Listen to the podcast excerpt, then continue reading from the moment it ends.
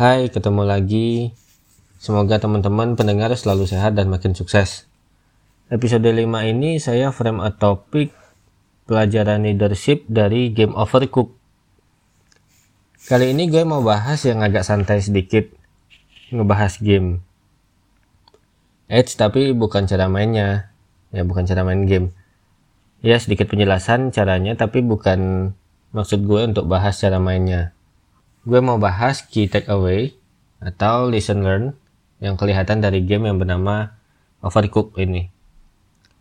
Bukan maksud promosi sih, gue sebenarnya bukan gamer. Cuman kadang ketemu game unik, ya jadi coba-coba main juga kalau lagi jenuh. Game Overcooked sebenarnya ini bukan game baru. Ternyata banyak juga versinya ada Overcooked 1, Overcooked 2, 3, dan ada seasonnya lagi. Dan saya kebetulan mencoba Overcooked 2 bersama istri gue baru-baru ini di platform Steam. Sekilas saya baca sejarahnya Overcooked ini dibuat oleh Ghost Town Games yang berbasis di UK atau United Kingdom dan dipublikasi oleh tim 17, tim 17.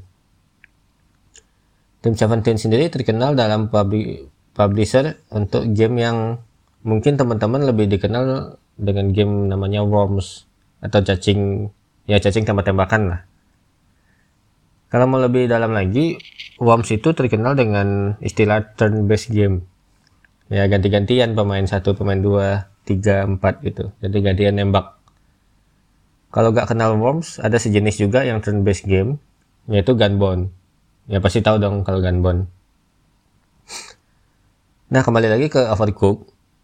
Game ini keluar di 2016 pada platform Windows, PS4, dan Xbox One dengan genre simulation, ya arcade lah, multiplayer juga. Baru masuk ke platform Nintendo itu sekitar 2017. Game ini sudah terjual kurang lebih 500.000 kopi. Pada awalnya hanya di platform Nintendo aja. Dengan satu license gamenya sekitar harga 25 dolar US ya kurs sekarang 300-400 ribu lah. Seminggu lalu sekitar ya sekitar belasan September saya baca di website gameindustry.biz kalau publisher game ini meraup revenue di first half atau semester pertama di 2021 naiknya 32% di angka 40 juta pound sterling. Pound sterling sih. Alias 780 miliar rupiah. Kalau kurs hari ini ya 14 200-an lah.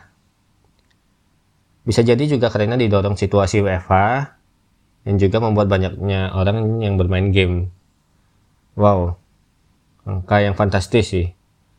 Jadi nggak heran kenapa rata-rata gamer konsol yang bermain Nintendo Switch ya pasti tahu game Overcooked ini. Jadi gameplay ini menceritakan satu koki atau lebih yang menyajikan makanan dari bahan mentah sampai siap saji. Ya namanya makanan ya pasti ya kombinasi bahan mentahnya itu beraneka ragam. Sebenarnya kurang lebih sama dengan game-game masakan lainnya. Di mana terima pesanan, filter masakan apa yang mau dibuat, pilih bahan baku, resepnya apa, siapin bahan baku, proses masak, proses ngirim ke pelanggan, ya kurang lebih mirip-mirip lah dengan game masak-masak lainnya. Hanya saja game Overcooked ini sedikit lebih detail. Misalnya, terima pesanan pun. Ada waktu yang menunjukkan indikator kesabaran tamu dari menu yang dipesan. Misal dia pesan steak, ada waktunya satu menit. Kalau pesan sushi, waktunya 20 detik. Yaitu baru waktu pesanan doang ya. Belum lagi soal siapin bahan baku. Misalnya kalau daging itu harus dipotong dulu. Potongnya sekian detik. Kalau masak nasi, berasnya harus dicuci dulu. Kalau mau buat adonan, harus diracik dari tepung dan air, lalu di mixer. Dan itu waktunya beda-beda, udah pasti lebih lama dari potong daging. Dan bahan-bahan lainnya, Semakin banyak bahan, semakin banyak variasi atas durasi persiapan bahan baku. Terus ada hal lain lagi yang di overcook ini perlakuannya lebih detail, yaitu proses masak. Proses masak untuk nasi, beras harus masuk ke rice cooker, belum lagi kalau pizza harus dipanggang di oven, ya dan sebagainya. Jadi hal-hal yang detail ini ada juga yang kayak cuci piring sehabis tamu makan. Ya belum lagi setiap versi Overcook itu mempunyai konteks tema yang berbeda-beda. Nah, hal-hal itulah kenapa game ini cukup sukses dan laku keras ya. Kebayang dong ya. Nah, di sini aku ingin bahas beberapa poin kenapa game Overcook ini bisa kita ambil pesan positifnya, terutama menurut saya di area leadership. Ada lima pelajaran yang menurut saya bisa dipelajari dari sudut pandang saya memimpin perusahaan ataupun menjadi leader di tim-tim tertentu, baik proyekan sementara ataupun memang karena role ya. Jadi pelajaran pertama adalah tentang accountability dan responsibility person. Ini maksudnya perlu orang yang bertindak sebagai PIC dalam melakukan suatu keputusan atau suatu eksekusi. Akuntabilitas artinya orang yang punya final call atau biasa kita kenal ultimate decision maker ya decision maker lah. Dan bertanggung jawab atas semua tindakan di lapangan. Responsibility person itu orang yang eksekusi tindakan yang diputuskan sama si accountable tadi. Ya, responsible ini ya orang yang menjalankan tugas lah, menjalankan pekerjaan. Pada umumnya role ini itu dibagi dua orang yang berbeda loh. Gitu. Accountability biasanya sudah pasti satu orang. Yang namanya keputusan kan nggak mungkin berkepala dua ya. Gitu.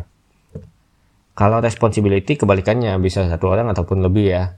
Orang yang mengeksekusi. Ya biar kebayang aku ambil contoh case dunia penerbangan deh yang kita kenal itu pilot itu sudah pasti accountability person orang yang in charge dalam penerbangan orang yang in charge dalam decision di dalam pesawat. Terus kok ada copilot?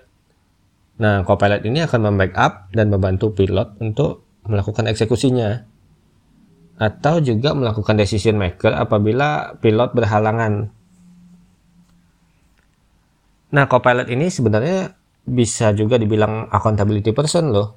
Yang di mana akan mengambil decision pengganti pilot apabila pilot ini berhalangan ya dan dalam keadaan genting. Ya bahasa lainnya second in command. Tapi jadi dua orang dong yang punya decision maker. Ya kalau di dalam case penerbangan aku sejujurnya kurang gitu paham gimana pembagian authority decision. Tapi ya di mata orang awam seperti saya ya itu sudah pasti uh, orang yang accountable itu harus satu orang. Dan copilot di saat bersamaan saat masih masih ada pilotnya itu nggak bisa jadi accountable udah pasti jadi responsible person. Dan juga officer-officer lain di dalam pesawat tersebut semuanya udah pasti responsible bukan accountable lagi. Alias eksekutor lah semua tindakan dari eksekutor atau responsibility person tersebut akan menjadi tanggung jawab dari accountability person yaitu dari pilot itu ya kurang lebih kayak case memimpin negara lah. Mungkin terlalu besar sih kalau analoginya kalau terkait negara ya. Misalnya dalam kasus perusahaan saja deh. Terus apakah accountability person kerjaannya cuma ngambil keputusan? Ya, dan enggak sih. Tergantung besar keputusan yang diambil. Ya kalau hal sepele-sepele saja, responsibility person juga punya hak kok untuk ngambil keputusan dengan cepat accountability person juga punya tugas yang dia harus kerjakan. Semisal set the rule, set who is the responsible person, ya dan lain-lain. Ya set cara aturan main lah. Hal tersebut sangat umum sih terjadi dalam perusahaan.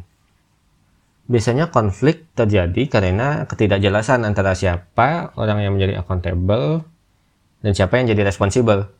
Dan juga nggak sama mindsetnya nggak sama pandangannya. Misal menurut si A dia yang accountable. Menurut si B justru dia yang accountable.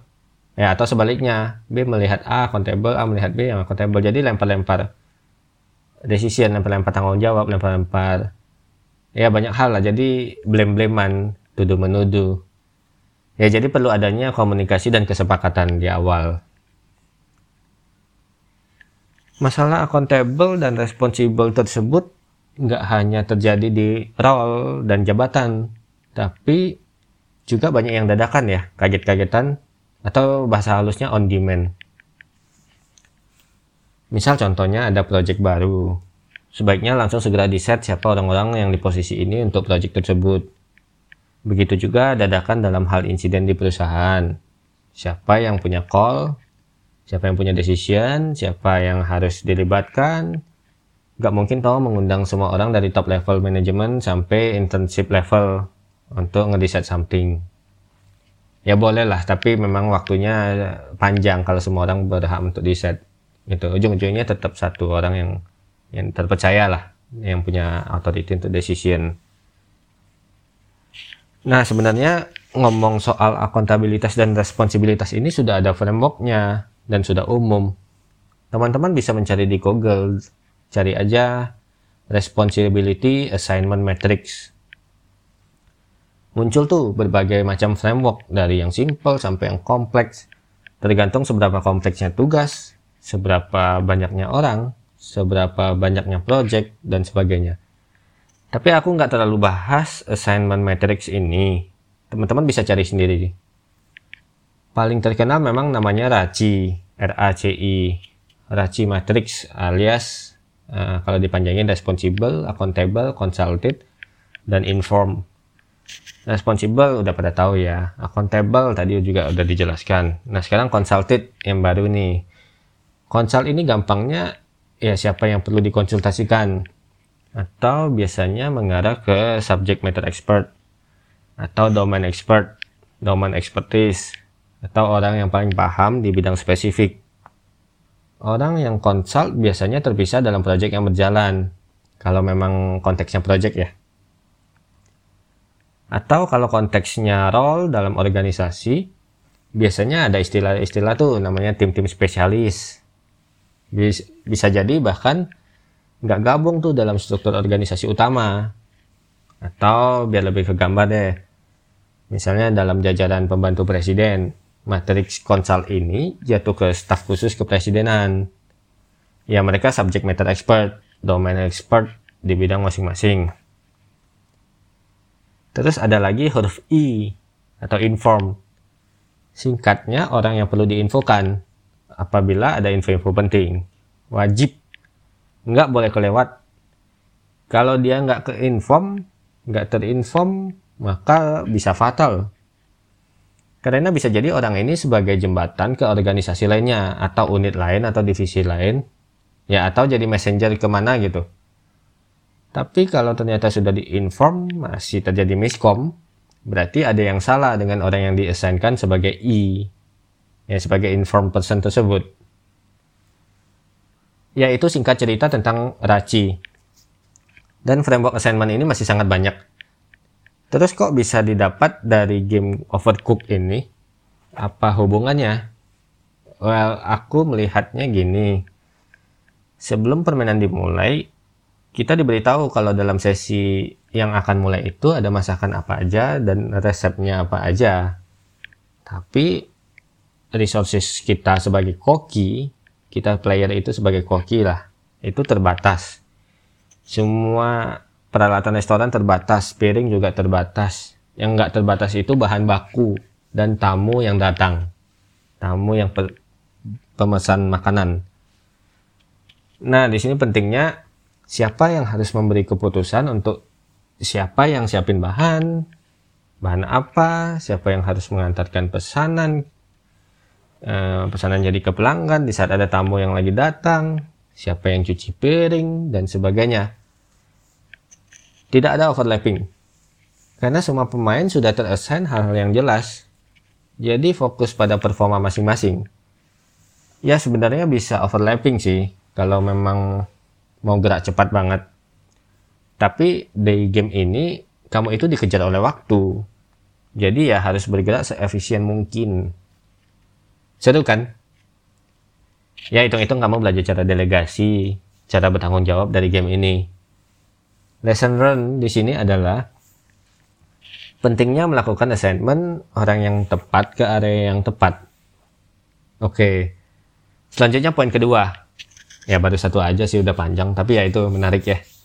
Poin kedua adalah priority management.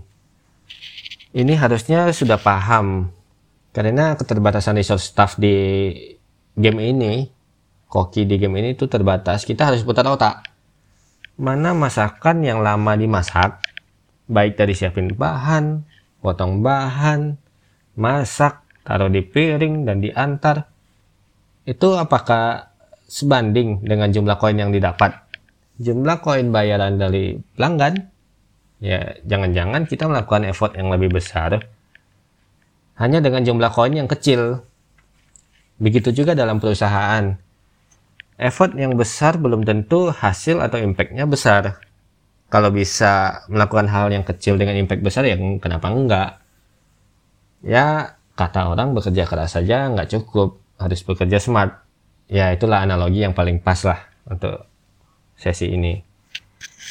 Kerja keras selalu dibutuhkan karena semua prosesnya itu sama, ada yang nggak bisa dilompatin. Misal dalam game ini, pertama pasti menyiapkan bahan baku, Kedua, pasti memotong bahan. Ketiga, pasti dimasak. Keempat, disajikan di piring. Kelima, eh, pesanan diantar. Keenam, pasti cuci piring setelah tamu makan. Di game ini sudah pasti mau makanannya apa pun untuk tamu, harus pasti melewati enam proses ini. Eh, sungguh game yang unik ya, membuat kita sadar realita. Co-founder gue sekaligus CTO Pevas, Ricky Winata sering bilang, kalau untuk proses belum tentu kita tambah orang akan membuat hasil yang lebih cepat. Ya kayak orang hamil lah, 9 bulan ya 9 bulan, ya bisa ditawar. Paling cepat beranak pun 10% lebih cepat waktunya, tapi ya anaknya belum tentu ideal. Ya benar, saya sangat setuju. Dari sana memang kita melihat proses hamil sampai beranak pun nggak bisa diubah dengan metode lain. Apabila ada metode lain lebih cepat pasti sudah dipilih proses lain. Nah kalau di game ini analogi tersebut mirip. Misal nggak mungkin kita menghapus salah satu langkah. Misalnya kita nggak sajikan di piring. Langsung habis masak kasih dengan panci-pancinya ke tamu kan ya gimana gitu ya. Hitungannya ya lompat proses.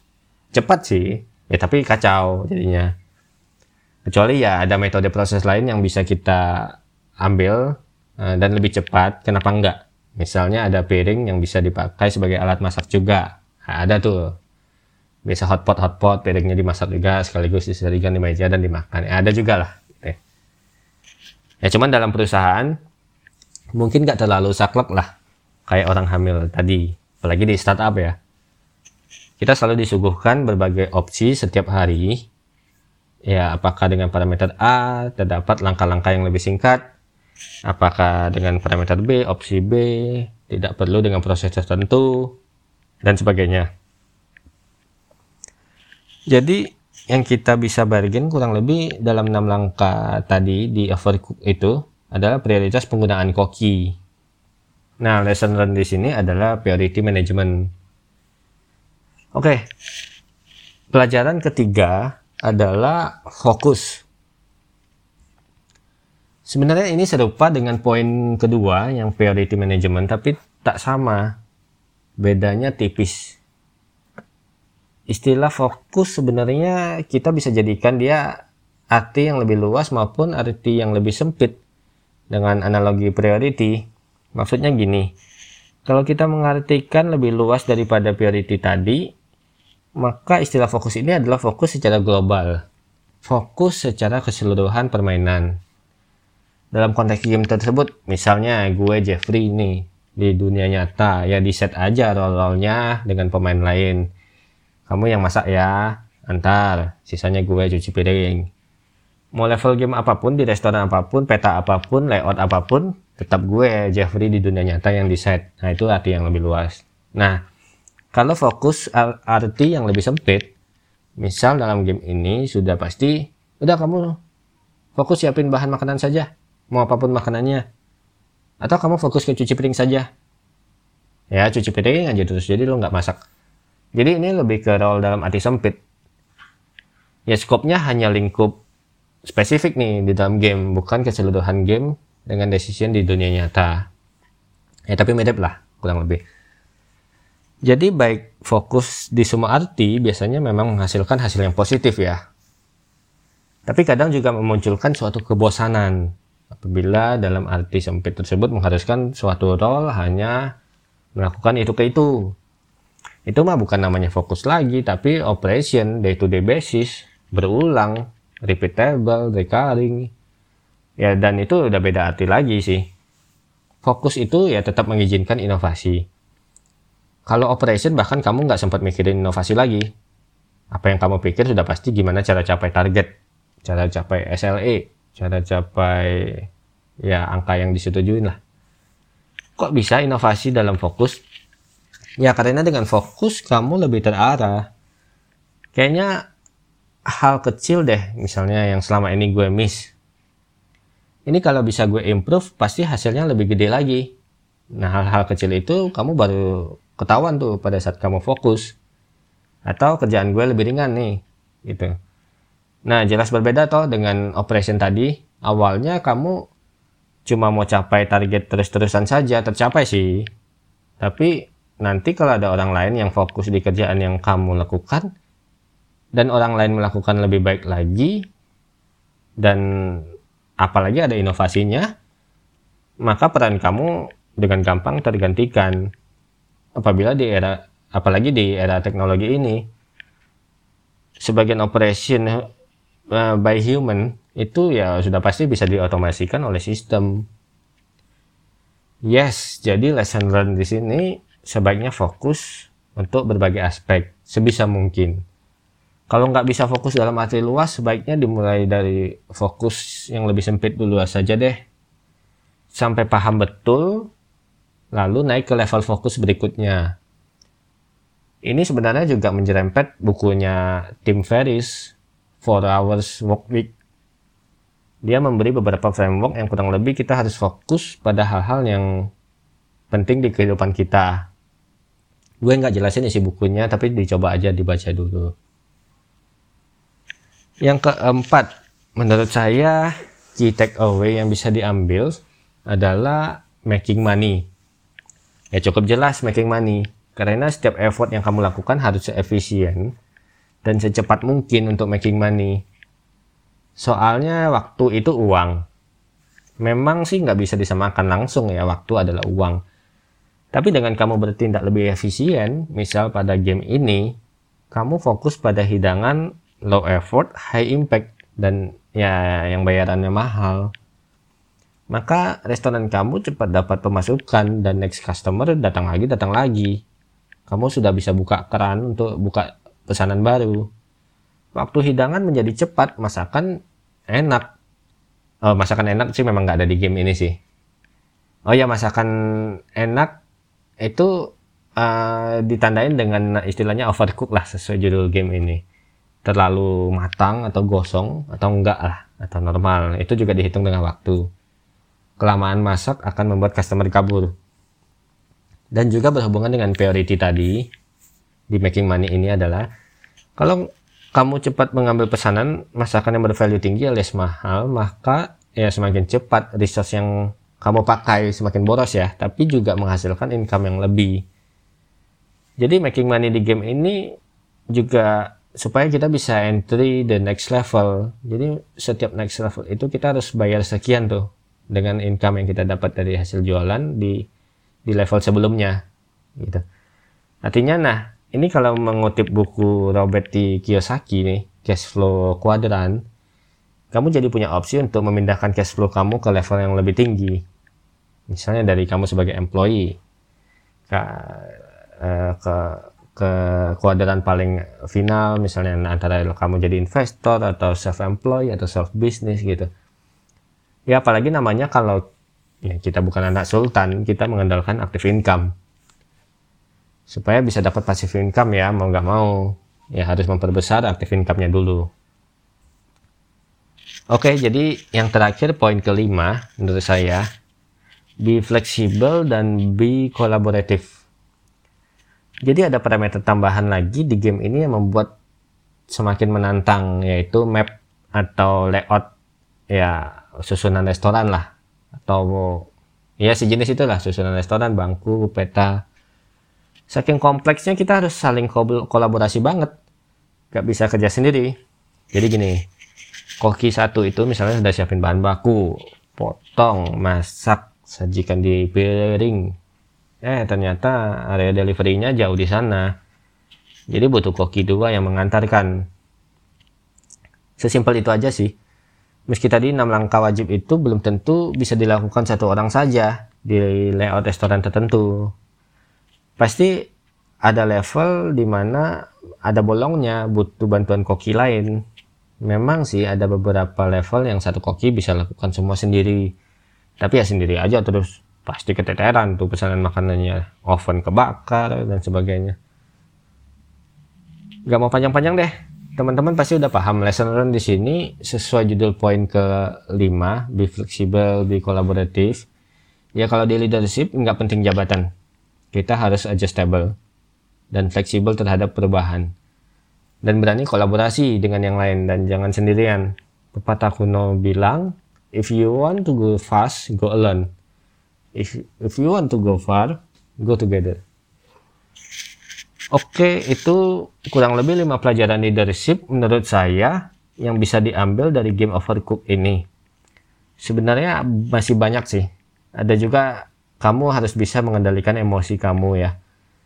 Karena saat sudah chaos, sudah kacau, pesanan makannya, kamu makan rame, kompor kamu terbakar, oven kamu terbakar, piring belum dicuci, kamu ya bisa salah-salahan dengan pemain lain. Tapi ya kebayang sih kalau punya restoran yang pengunjungnya rame, pentingnya sistem manajemen, ya jadi emosional lah gitu kan. Ya kalau bisa ya keadaan lagi chaos sih ditambah bumbu emosional lagi makin chaos ya nggak wise lah gitu kan. Jadi juga melatih kamu untuk mengendalikan emosi. Nah, jangan-jangan kamu malah makin tertarik nih nyobain game ini. Paling simple sih uh, pakai Steam aja, mau di Mac atau Windows. Udah pasti bisa. Kebetulan aku lagi kemarin memang dapat promo sih. 90.000 lifetime ya Overcooked 2 untuk satu akun. Dua ya 180.000 lah main dengan istri yang mau coba ya silahkan. Selamat mencoba. Terima kasih sudah mendengarkan. Sekian sharingnya. Semoga bermanfaat dan sukses. Nantikan episode selanjutnya.